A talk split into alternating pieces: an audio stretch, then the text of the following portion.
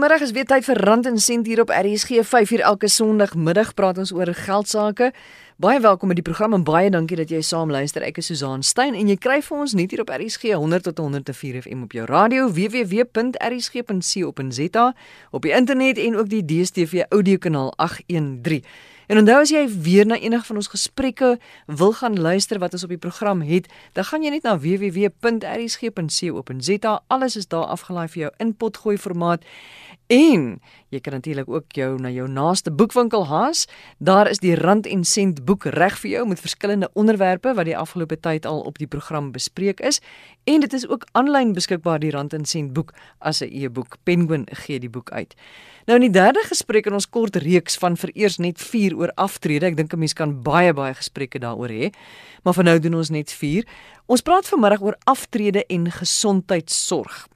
Hoe maak jy voorsiening daarvoor as jy nou siek raak na aftrede? Wat gebeur wanneer jy skielik nie meer in beheer kan wees van jou eie geld sake nie? Hoe moet jy daarvoor voorsorg tref?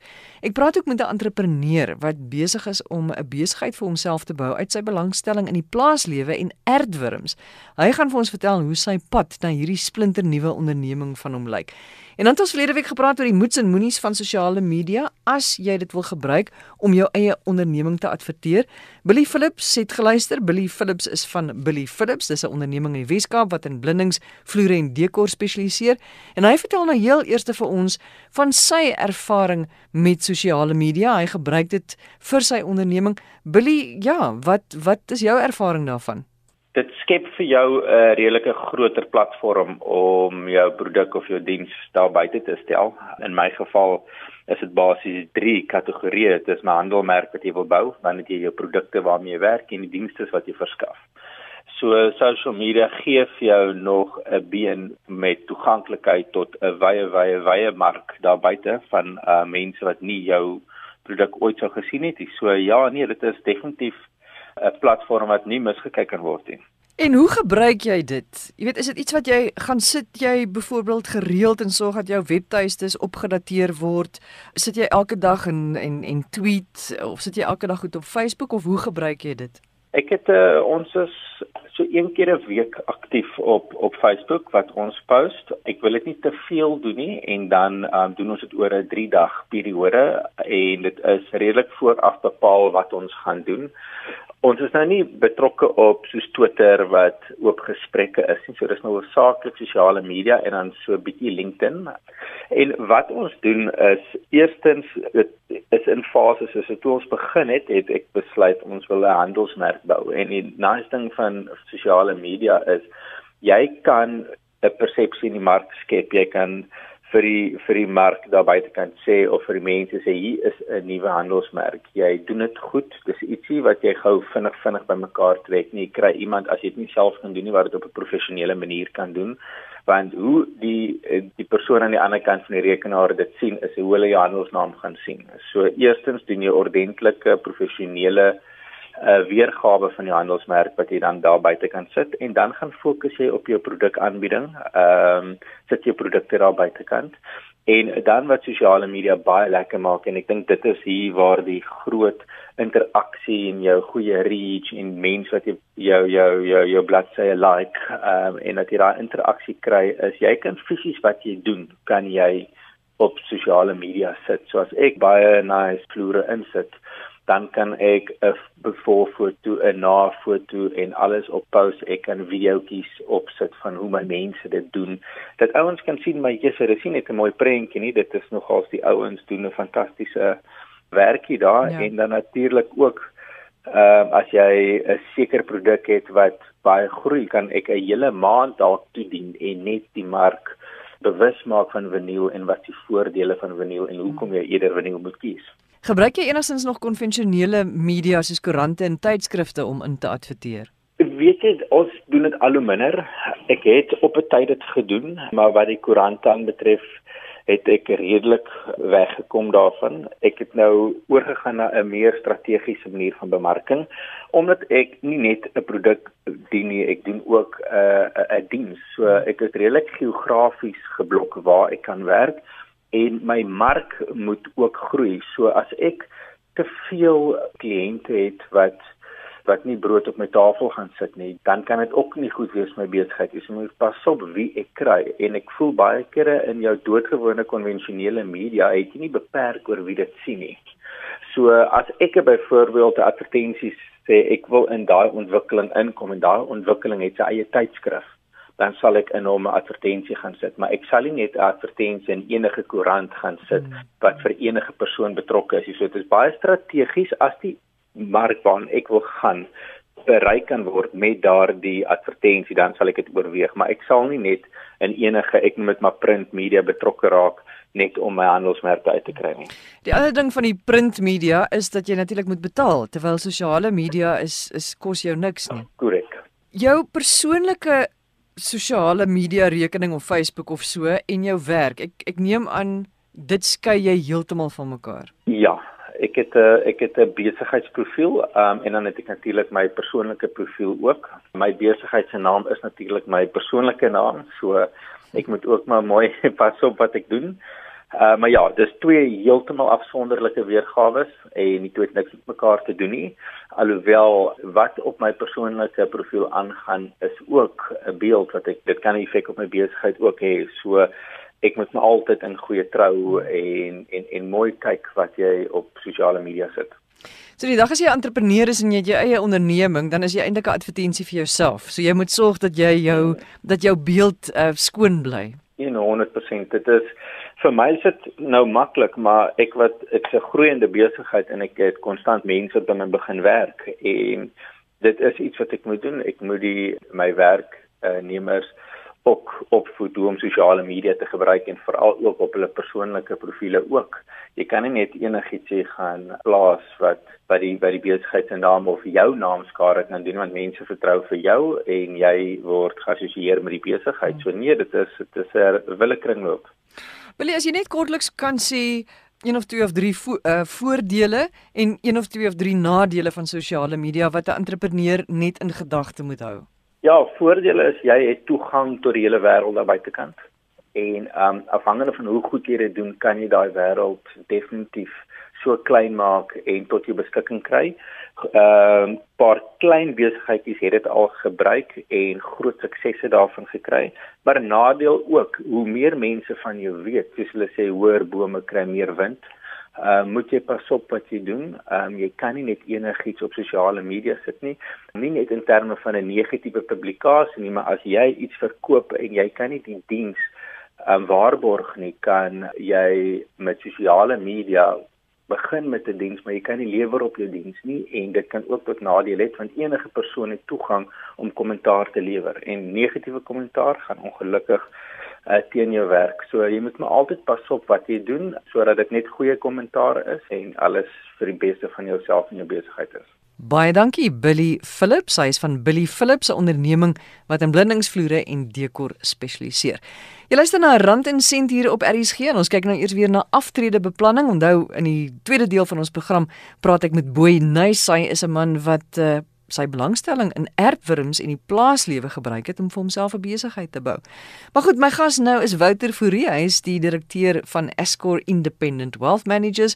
Hy is ook 'n geregistreerde finansiële adviseur en die mede-outeur van die boek The Ultimate Guide to Retirement in South Africa. Wouter, ons kyk vanmiddag na aftrede en gesondheidsorg. Presies wat bedoel jy met dit? Dit is 'n belangrike faktor en dis seker die heel belangrikste faktor as ons kyk na aftrede en En dis ook die ding wat die meeste impak gaan hê soos dat jy ouer word. Um, realiteit is dat ons word ouer, maar siekte is iets wat nie almal van ons kan vermy nie. En soos dit ons ouer word, is dit belangrik om te besef wat die verskil is tussen byvoorbeeld mediese fondse en gap cover of gapingsdekking wat maatskappye verkoop. Nou in eerste plek is mediese fondse is belangrik want dit voorsien vir daai mediese beskerming en dan die gapingsdekking gee vir jou ekstra beskerming indien jou mediese fonds nie genoeg kan betaal nie. Nou, ek sê sommer van die staanspoor af, mense moenie dink dat jy sonder 'n mediese fonds kan gaan en net gapingsdekking kan kry nie, want dit is twee verskillende goed. Mediese fonds word deur die mediese raad onderskryf, waar gapingsdekking is 'n tipe korttermynversekering wat jy kry. Die gapingsdekking word ook gewoonlik beperk tot omtrent 150 000 rand per jaar wat hulle mag uitbetaal. En in meeste gevalle soos dit ons ouer word, sal ons sien dat die mediese sorg baie duurder as dit word. Nou mediese fondse en die verantwo die verantwoordelikheid van gesondheidsorg soos ons ouer is, sien ons dat uit statistieke dat 60% van die geld wat jy gaan in jou lewe gaan spandeer aan mediese kostes word gewoonlik aangegaan nadat jy afgetree is. Realiteit is, mediese sorg hou ons langer aan die lewe, maar ongelukkig is dit ook so dat ons dan meer gaan betaal aan mediese koste soos dit ons in ons pensioenjare ingaan. Mediese fondse en die inflasie in terme van mediese fondse is baie hoër as die normale inflasiesyfer. So waar ons sien dat 'n inflasiesyfer byvoorbeeld maksimum 6% is, is mediese fondsverhogings dubbelsyfers elke jaar. So as jy jou beplanning doen, is dit belangrik om nie net inflasie in ag te neem nie, jy moet mediese inflasie in ag neem en dan ook die ekstra voorsiening wat gaan nodig wees, se ekstra medisyne wat nie deur mediese fondse gedek kan word nie. Belangrike aspek wat ons al hoe meer ook sien is ehm um, verswakte sorg, waar omdat ons langer in die lewe gehou word, kom dit op 'n punt wat ons nie meer na onsself kan omsien nie en dan moet mense in 'n verswakte sorgeenheid opgeneem word en daai ekstra kostes wat dit inbring moet begroot word en 'n mens moet seker maak dat jy voorsiening gemaak het vir dit. Wouter, maar iets wat vir my pla is dat ek het nou my aftrede beplan en alles is nou fantasties. Maar nou kry ek Alzheimer's of ek kry demensie. En nou is ek nie meer so 100% in beheer van al hierdie goed nie. Hoe moet 'n mens daarop voorberei wees? Weet jy, dis ongelukkig iets wat met enigiemand van ons kan gebeur en dis nie noodwendig net uh, lae ouder of 'n hoë ouderdom nie, dit kan vroeër ook gebeur. En ek dink weer eens daarso is dit belangrik dat jy die mense met wie jy saamleef moet weet hoe lyk julle finansiële situasie. So as jy 'n verhouding is man en vrou, deel met mekaar dat jy weet presies hoe dit lyk. Deel met mekaar in terme van hoe lyk jou banksaake, waar is al jou bates ensovoorts. Die uitdaging wat ons wat ons net het is die magtigingsbrief wat ons gewoonlik vir iemand gee om te sê man as ek nie teenwoordig is nie kan jy namens my finansiële besluite maak. Daai magtigingsbrief verval as jy nie meer by jou volle bewussyn is en besluite kan maak nie. Maar dis dan juist dan wanneer wanneer jy wil hê daai magtigingsbrief moet geld. Ek stem 100% saam met jou, maar ongelukkig is die Afghaanse regs um, stelsel het ons bietjie te uh, te nagelaat daarso en ek sien daar is van die partye wat begin aanspraak maak om te sê maar hulle moet begin kyk na hierdie aspek. Want daai magtigingsbrief wat 'n mens vir iemand gee om namens sy besluite te maak of die uh, volmag soos dit so Afrikaans ken in Engelse woord die power of attorney verval die dag as jy nie meer by volle bewussyn is en besluite kan maak nie. En dis eintlik juis op daai stadium wat 'n mens daai dokument van krag hmm. wil hê. Maar wat gebeur dan? So iemand anders kan nie dan meer vir jou besluite neem nie. Dis reg, dan moet ons aansoek doen vir kuratorskap aanstelling wat by die meester ingedien moet word en dit vat 'n proses en dit kos ongelukkige geld.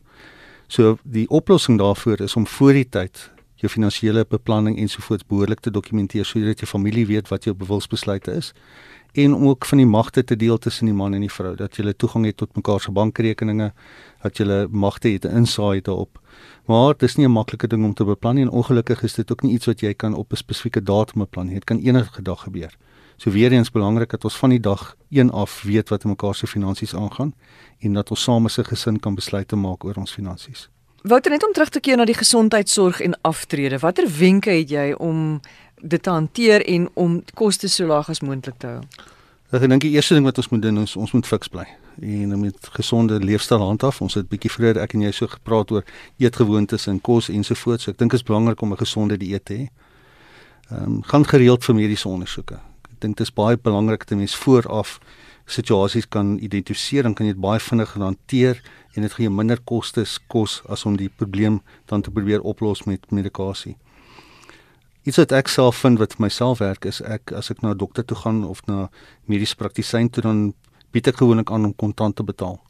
En in baie gevalle is hulle gemaklik om dan vir jou afslag te gee want dit spaar hulle die moeite om die eise in te dien by mediese fondse ensovoorts en die dokter het die geld in sy bank baie vinniger as wat die mediese fondse gaan betaal. Dan ook vergelykpryse van medikasie met mekaar. Ek dink dit is belangrik om te gaan kyk na baie van ons groter kettingwinkels het ook um, apteke binne in die kettingwinkels en baie keer kan 'n mens goedkoper medikasie by hulle kry as by die klein apteekie op die hoek. Ehm um, krediese medikasie, sien ons heelwat maatskappye wat ehm um, volume aankope afslag gee. So as 'n mens gaan kyk na krediese medikasie en jy koop jou hele jaar se medikasie, dan kan jy redelik 'n hele paar rand spaar op die afslag wat jy kry. Dan baie belangrik is as jy opgeneem word in 'n hospitaal om te weet wat die reëls en regulasies van die hospitaal is in terme van hulle dagkostes. Want as jy dit reg beplan om 'n sekere tyd in te gaan, dan gaan die hospitaal jou net vir een dag vra. Vir in baie gevalle as jy dalk 'n uur of 2 vroeër ingegaan het, dan gaan hulle vir 2 dae se hospitalisasie vra. Die manne en die vroue wat brille en pille, ons praat gewoonlik van die brille en pille, maar ek dink die brille is belangrik om ook te gaan kyk na spesiale aanbiedings. Baie maatskappye en winkels het gereeld aanbiedings op lense en rame wat hulle gee. So ek kan 'n bietjie huiswerk daar doen en ek seker jy gaan 'n paar rand spaar. En dan die groot enetjie is om op te hou rook. Ek dink as 'n mens net gaan kyk na die kostes buite die mediese implikasies daarvan, hoeveelheid geld wat 'n mens spaar daardeur, hmm. kan 'n goeie vakansie of twee betaal as 'n mens in pensioen ingaan. En dan mense wat vir elke pyn en skee dokter toe wil hardloop. Hmm. Ek dink dit is belangrik dat mense dit moet begin bestuur. Dit kos jou ongelukkig geld, nie net om die dokter uit te kom nie, maar om soontoe te ry, om terug te ry en dan die onnodige medikasie wat in meeste van die gevalle gebruik moet word.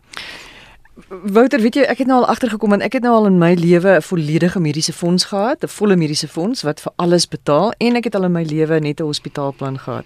En ek het agtergekom die kere die tye wat ek net 'n hospitaalplan het, is ek baie gesonder as die kere wat ek 'n volledige mediese plan het. Want as jy daai plan het, dan gaan jy dokter toe, dan gebruik jy hom. Ja, ek dink 'n mens voel verplig dat jy waarde vir jou geld moet kry. Ja, jy betaal dus, nou so jy wil ietsie uitkry. Ja, maar ek dink die verskil as jy gaan kyk na 'n volle plan in vergelyking met 'n hospitaalplan daai paar duisend rand wat jy spaar per maand, kan jy in 'n aparte spaarrekening sit wat jy ook kan gebruik vir jou mediese sorg. En weer eens, die geldjies wat oorbly kan 'n mens gebruik om 'n lekker vakansie te hou elke paar jaar. Ja. Want dit is ook belangrik om jouself gesond te hou, nee, om tog 'n bietjie daai ontspanning te hê. Ja, en dan jy het net gepraat van die medikasie, maar ek dink ook as jy kan, kies 'n generiese produk eerder as die oorspronklike medikasie. Dis korrek, dis korrek. Ek sal dit in alle tye aanbeveel. Ek is self ook 'n kroniese medikasie persoon, so ek het hoë cholesterol en ek was eintlik verbaas geweest om te sien wat die verskil is tussen die voorgeskrewe produk en die generiese produk en dit het presies dieselfde uitwerking. En jy het gepraat van hou jouself gesond. Ek het net toevallig vanoggend 'n artikel gelees wat mense sê jy met jou bloeddruk kan jy byvoorbeeld gereeld laat toets want bloeddruk is nogal iets wat op en af gaan. Moenie net staat maak op daai een keer 'n jaar afhangende nou seker van hoe oud jy is, maar selfs jonger mense. Moenie net staat maak op daai een keer 'n jaar dokter toe gaan en vir daai volledige ondersoek nie. Gaan maar gereeld in toets dit gou sommer by die apteek. Ja, en ek sien baie van die van die groter apteke verkoop ook 'n bloeddruk toerusting. Jy kan jou eie bloeddruk masjienkie koop en jou eie bloeddruk meet dink dit dit gaan oor as jy in jouself belê, gaan jy langer gesond bly en jy gaan langer die lewe kan geniet. En dit is almal van ons se behoefte maar. Wouter baie dankie. Volgende week gaan ons kyk na foute, algemene foute wat mense maak wanneer hulle aftrede beplanning doen. Dit is Wouter Verree, direkteur van Escor Independent Wealth Managers, geregistreerde finansiële adviseur en die mede-outeur van die boek The Ultimate Guide to Retirement in South Africa.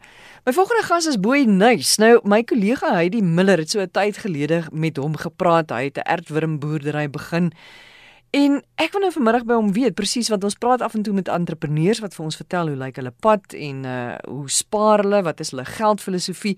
So dit is vanmiddag alles die vrae wat ek vir Boy gaan vra, maar Boy net voordat ons daarby uitkom, net gou-gou verfris gou weer ons geheue. Presies, wat het jy gedoen? Hoe het jy begin? Ja, ek het so 10 jaar gelede begin navorsing doen oor eerdbrums omdat die eetpopulasie so skaars is en die mens omdat ek groot plaas groot word is dit belangrik vir my om hierdie tipe spesies in die aarde terug te kry. En wonderbaarlik het ek toe begin navorsing hoe om goed in die aarde te kry en dit terug te sit. Maar ongelukkig is dit is dit moeilik vir gewone eetbome wat ons daagliks in die aarde kry. Dit is moeilik om dit in aan te kry as gevolg van die nuwe ontwikkelings en uitbreidings wat daagliks plaasvind en veral die chemiese produkte wat die plaasboere hulle landerye bespuit om ontslae te word van insekte en plaan in in in in China. Um het ook onder daardie ander tipe wurm is oorspronklik van Australië. Sy is al meer as dekades in Suid-Afrika, maar um baie min mense dra kennis van dit. Ek het toe van dit begin in die hande kry en 'n stokperdjie met dit begin. Dit baie insiggewend gevind. Ek het toe later uitgebrei om um, meer uh hoes by mekaar te maak en om dit te teel. Omdat dit so vinnig teel en snel groeiend 'n bedryf is. Het dit toe later begin aan die van die goed bemark want die kompos het net opgehoop en te veel geraak en die belangstelling van die mense het toe ongelooflik met die mense belang begin stel. Boei wat vir my nou baie interessant is is dat jy hierdie ding eintlik begin het as 'n soort stokperdjie en wat jy het nog 'n beroep ook en jy het er nou agtergekom of dit is wat ek verstaan het van die gesprek wat jy gehad het met Martelise met Heidi dat jy ja dat jy ook agtergekom het dat hierdie 'n soort van afvalproduk uit wat die aardwurms dan nou eet en verwerk deur hulle stelsels is amper 'n soort tee of 'n vloeistof wat jy ook kan gebruik om op plante te skuif en jy gaan binnekort gaan jy hierdie ding as 'n beroep begin bedryf. Nou ja, ek meen wat wat sal jy sê want ek meen skielik is jy van 'n ou wat nou 'n werk gedoen het vir iemand, het jy nou gegaan na 'n entrepreneur toe. Elkeen van ons in Suid-Afrika of in die wêreld is gebore met daai unieke iets binne in hom wat hy graag vorentoe kan vat of wat hy graag kan omskep in 'n besigheid of om in 'n projek om betrokke te raak. Dis nou alles word duur en alles word vinnig. So ons moet ons maar ons gedagtes so posisioneer dat ons vir onsself kan sê, right, ek moet gaan ondersoek doen. Wat is daar buite wat 'n aanvraag is of wat kan mense ontwikkel? Soos ek begin het met met, met soos ek navorsing gedoen het oor het ek het ek besef dat daar is 'n mark. Daar is be, uh, behoefte vir eerdwurms omdat die eerdwurms nie so veilig beskikbaar is dis waar jy met begin kyk. Dan moet jy gaan kyk vir die oppositie. Is daar mense wat al reeds so gelyke projekte of navorsing gedoen het of meer besig om mee te begin? En dan moet jy gaan kyk uh, wat is die aanvraag na die na daai tipe produk indien daar nie 'n oppositie is nie. Sodra jy dit reg gekry het, dan is nie. Dat is eintlik makliker om die om die proses in die gang te sit.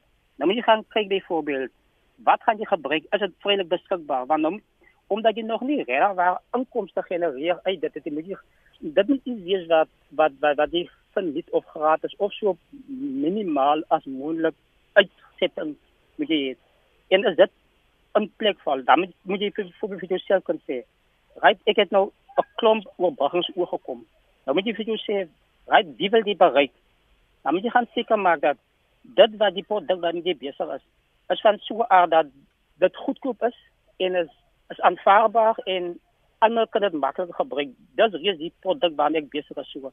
Dit is nie 'n produk wat baie verskillende soorte toetse of kennis goed moet deurgaan nie. So enige iemand wat wat regtig waar buite is wat 'n idee het, enige idee, dan moet jy draadkarre verkoop. Maak jy seker dat die mark rondom jou is nie versadig nie. So jy kan met enige iets wat jy wat jy in jou gedagte het, in daardie se lewe, kan jy van 'n suksesvolle besigheid maak, maar jy moet sterk eienskappe hê om ten minste uit te staan en kollegas of vriende of iemand wat saam met jou jy moet jou jou kennis gaan deel met met met iemand naby aan jou vir wie jy kan vertrou maar jy kan ook nie deesdae het enige idee met enige een deel wat jy net seker maak dat dit wat jy in jou gedagte het moet eers deur jou aan die gang gesit word sodat jy nie van dit onneem kan word nie Boy, ek dink baie mense sal nou sê ja, maar jy weet, ek wil ook graag ietsie begin, maar ek het nie die geld om iets mee te, om om te gebruik om iets mee te begin nie. Wat wat is jou boodskap aan so iemand? Om dit Afrika op die wêreld te laat werk. Dit gaan nie oor geld nie. Jy hoef nie geld te hê om met 'n besigheid te begin. Dit gaan oor 'n idee wat jy het. Sodra jy idee reg is en dit navorsing gedoen. Byvoorbeeld die idee wat ek het, daar is geld betrokke om die idee van die van die grond af te kry. Elke jy moet dit die besluite wat jy maak. As jy wil, dan sal dit na jou kant toe kom.